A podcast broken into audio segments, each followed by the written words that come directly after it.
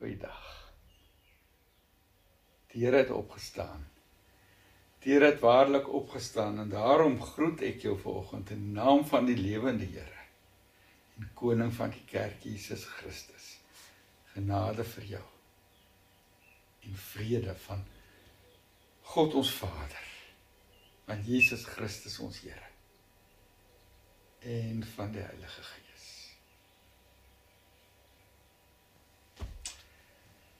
Kom ons bid saam. Here, dankie dat ons hier in die Gees saam is. In U teenwoordigheid kan wees. Here, ons het U nodig elke dag van ons lewe, maar besonder ook in hierdie tyd. Wil U vir ons vashou? Wil U vir ons rig deur die Gees? Wil U vir ons lei deur U woord? Hemel Vader, U wat ons gekies het om aan U te behoort. Wil U ons vasdruk in U Vaderhande? Dat ons geborge kan wees in U liefde. Here Jesus lei ons. U is ons leidsman, ons opgestane verlosser. Seën ons nou in ons saam wees.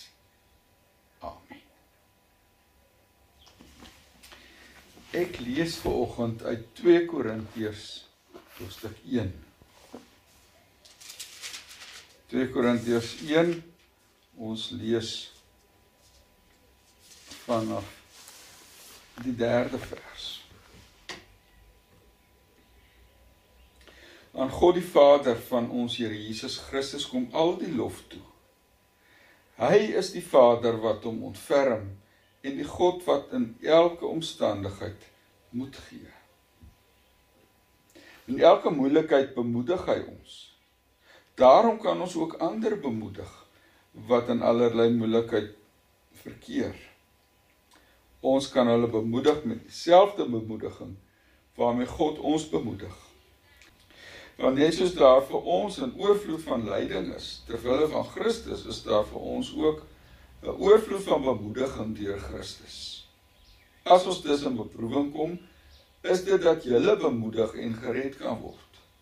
As ons bemoedig word, is dit om julle te bemoedig en te versterk sodat julle met geduld dieselfde lyding kan verduur wat ons ook verduur. En wat julle betref, het ons 'n vaste verwagting. Ons weet dat net soos julle saam met ons deel het aan die lyding, julle ook aan die bemoediging deel het. Ons wil hê broers dat julle moet weet van die moeilikhede wat ons in die provinsie Asië ondervind het. Die swaar wat ons moes verduur, het ver bo ons kragte gegaan sodat ons selfs die hoop om te bly lewe laat vaar het. Trouwens Dit het vir ons gevoel asof die doodsvonnis klaar oor ons uitgespreek is.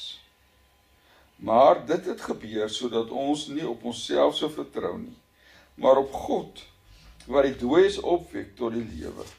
Dit is hy wat ons uit so 'n groot doodsgevaar gered het en ons weer sal red. Op hom is ons hoop gefestig. Hy sal ons ook verder red. Daartoe werk julle mee deur vir ons te bid. So sal die gebede van baie 'n seën van God vir ons bring. En dan sal baie hom vir ons dank. Dis die woord van die Here vanoggend. Ek lees weer vers 3 en 4. Aan God die Vader van ons Here Jesus Christus kom al die lof toe. Hy is die Vader wat hom ontferm en die God wat in elke omstandigheid moed gee. In elke moeilikheid bemoedig hy ons. Daarom kan ons ook ander bemoedig wat in allerlei moeilikhede verkeer. Ons kan hulle bemoedig met dieselfde bemoediging waarmee God ons bemoedig.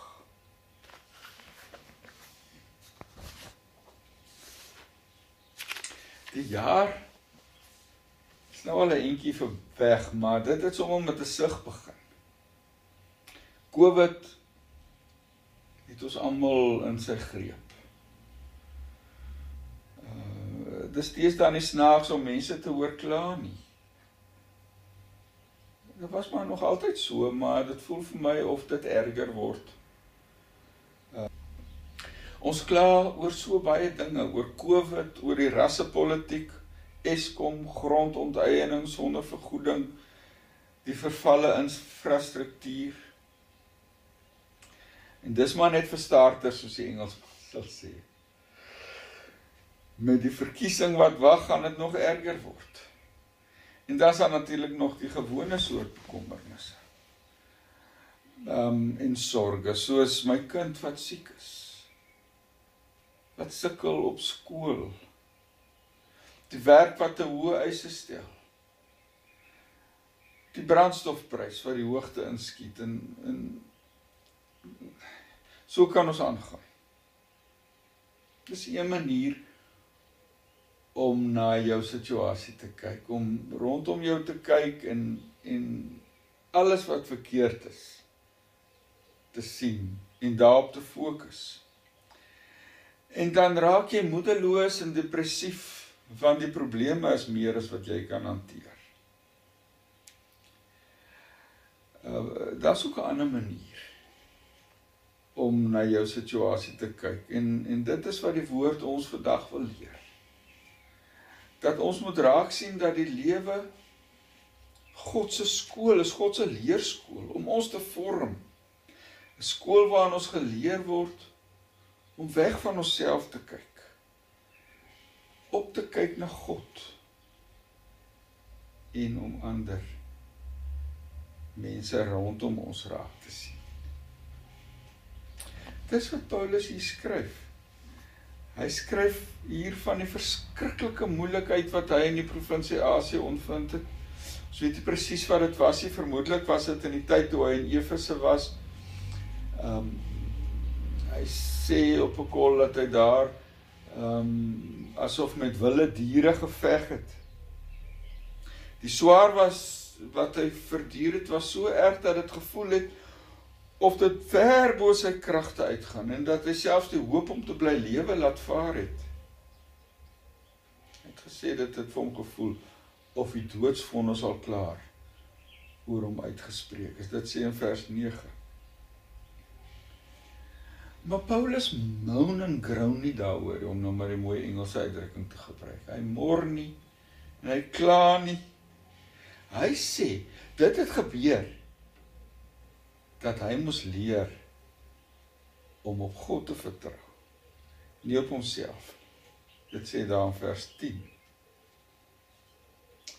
Daar in sy diepste nood het hy geleer om op God te vertrou. Het hy geleer dat hy op God kan staatmaak. Dat God hom nooit sal los nie al gaan dit ook hoe swaar met hom dat dit waar is wat Jesus gesê het vir sy disippels met sy hemelvaart. Onthou, ek is by julle al die dae tot aan die volëinding van die wêreld. Daarom ehm um, loof en prys Paulus die Here hier in ons geleesde gedeelte. Aan God die Vader van ons Here Jesus Christus kom al die lof toe. Hy is die Vader wat hom ontferm en die God wat in elke omstandigheid uitkoms gee. In elke moeilikheid help hy ons, skryf hy in vers 3 en 4. Maar daar het nog iets met hom gebeur. Hy het nie net in sy swaar kry ontdek dat hy God kan vertrou nie. Die swaarheid het ook sy oë verander om hom oopgemaak en vir hulle nood deernis en medelee met ander mense gekry. En daar een groot begeerte in hom posgevat en dit is om die die sorg en die medelee en die hulp en die ontferming wat hy van God ontvang het dat hy dit kon uitdeel aan ander. Dat sodat hulle in hulle nood ook dit kan beleef. Hy sê in elke moeilikheid help God ons. Daarom kan ons ook weer ander help wat in allerlei moeilikhede verkeer. Ons kan hulle bemoedig met dieselfde bemoediging waarmee God ons bemoedig het. Paulus was in God se leerskool. Sy moeilikheid in die lewe het vir hom gevorm. God het hom geleer dat hy nie net op God self kan vertrou nie, maar dat hy ook die mense om hom moet raak sien. 'n Oog en 'n hart verander te hê. Dalk sit jy vandag in 'n moeilike situasie. Voel jy jy gaan dit nie maak nie. Dit kan uh, 'n siekte wees waarmee jy worstel. Dit kan 'n verhouding wees wat sukkel. Dit kan jou geld sake wees wat benard is en en jy sien nie 'n 'n oplossing vir jou probleme nie. Wat maak 'n mens as jy in die krisis kom? Maklikste is om by almal wat wil hoor en nie wil hoor nie daaroor te kla, om te sug en te sê dit lyk vir jou God stel nie regtig meer in jou belang nie. Hy kyk ander pad of hy's te besig om aan jou nood aandag te gee. Paulus wys ons hier daar's 'n beter manier. In jou nood. Kyk op. sien God raak. Want hy's by jou. Kyk weer. Kyk dieper. En ontdek God se hand in jou lewe. Ontdek dat God jou nog nooit gelos het en ook nie nou sal los nie al gaan dit so moeilik met jou. God se teenwoordigheid in jou krisis is 'n feit. sien dit raak. So dis die eerste ding. In jou nood kyk weer tot jy vir God sien. En ontdek hoe hy vir jou dra in jou nood en kyk dan om jou en sien ander. En kyk waar jy verander tot hulp kan wees. Ons probleem is dat ons te maklik so op onsself fokus dat ons niks anders as onsself meer raak sien en oor niemand anders as jouself dink nie. Ons probleme en ons swaar kry is al wat wat wat in ons lewe aan die gang is. Dan leef ons by die nood en die seer van ander verby. Jy luister net met 'n halwe oor. Hoe hulle vertel wat hulle oorgekom het of wat hulle pla want jy's haastig om by die punt te kom waar jy kan vertel van jou nood. Jy jy dink jy het so maar laat ek jou vertel. Wat is regtig erg? Op 'n manier wat ons dit nie altyd waardeer nie. Is God by ons in ons nood. Nie net om te help nie, maar ook in ons nood om ons te vorm te verander dat ons oë oop gaan vir ander mense. Daarom skryf Jakobus in daai brief van hom ja um, ons moet dit louter vreugde ag. Ons moet baie bly wees as ons op beproewing kom. Want uiteindelik werk dit in ons lewens geloofsvormend in. Maak dit ons sterker. Skep dit in ons 'n vaste geloof 'n vurige vertroue, oorvloedige hoop. Nood leer ons om nie net op onsself te fokus en op onsself en ons eie behoeftes ingestel te wees nie, maar 'n oog te kry ook vir ander mense. Nood maak ons sag. Nood maak ons mense met deernis. Mense wat die broosheid van die lewe verstaan.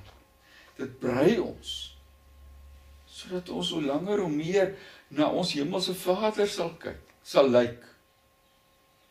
Hy is die Vader wat hom ontferm.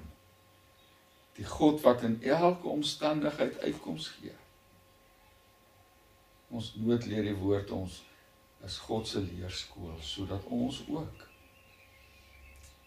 oor ander ontfermend kan optree.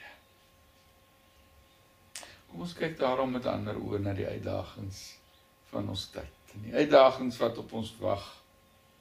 Na ons eie swaar kry. Kom ons bid dat God dit ook ons swaar kry sal gebruik in ons lewe en ons sal vorm sodat ons barmhartig sal wees soos hy. Dis immers wat die woord wat die Here Jesus vir ons in Lukas 6 vers 36 ehm um, beveel wees barmhartig soos julle Vader barmhartig is. En daarom moenie op 'n hoopie gaan sit en moedeloos jouself bejammer nie. Dis nie 'n Christelike antwoord op swaar kry en en trauma nie. Christen kyk te midde van sy swaar kry op en skep moed. Kry hoop. En dan kyk hy rond om ander om hom te sien en ook hulle nood raak te sien sodat hy of sy daar kan help. Nie mouners nie, maar bemoedigers. Dit is jou en my roeping. Mag die Here self vir ons daarmee help. Amen. Kom ons bid saam. Here ons dankie dat ons in alle omstandighede kan weet dat U by ons is. Ook in ons swaar kry. Juis in ons swaar kry om ons te bemoedig, om ons op te lig, deur te dra sodat ons ook verander. Iets kan beteken. Here, vorm ons. Brei ons, maak ons sag. Maak ons mense met deernis genaakbaar. Aanskiklik mense wat nie hard is en om nie, ons nie steur aan ander se se nood nie maar mense wat ander raak sien met sagte oë na ander kyk soos u na ons kyk ons bid vir hierdie week Here Help ons om met hoop te leef. Help ons om draers van hoop te wees in 'n wêreld wat hoop verloor het. 'n Wêreld wat sug en swaar kry en moedeloos is. Here, ons wil nie soos hulle wees nie. Ons wil soos u kinders leef met hoop. Here, daarom bid ek dat u ons oë sal oopmaak vir hulle vir wie ons in hierdie tyd ontfermend kan wees. Bemoedigers kan wees. Stuur ons na hulle Here. Gebruik ons in ander se lewens sodat ons die genade wat ons by U ontvang ook kan uitdeel aan ander. Ons vra dit in die naam van die een van wie ons al die genade ontvang, Jesus Christus.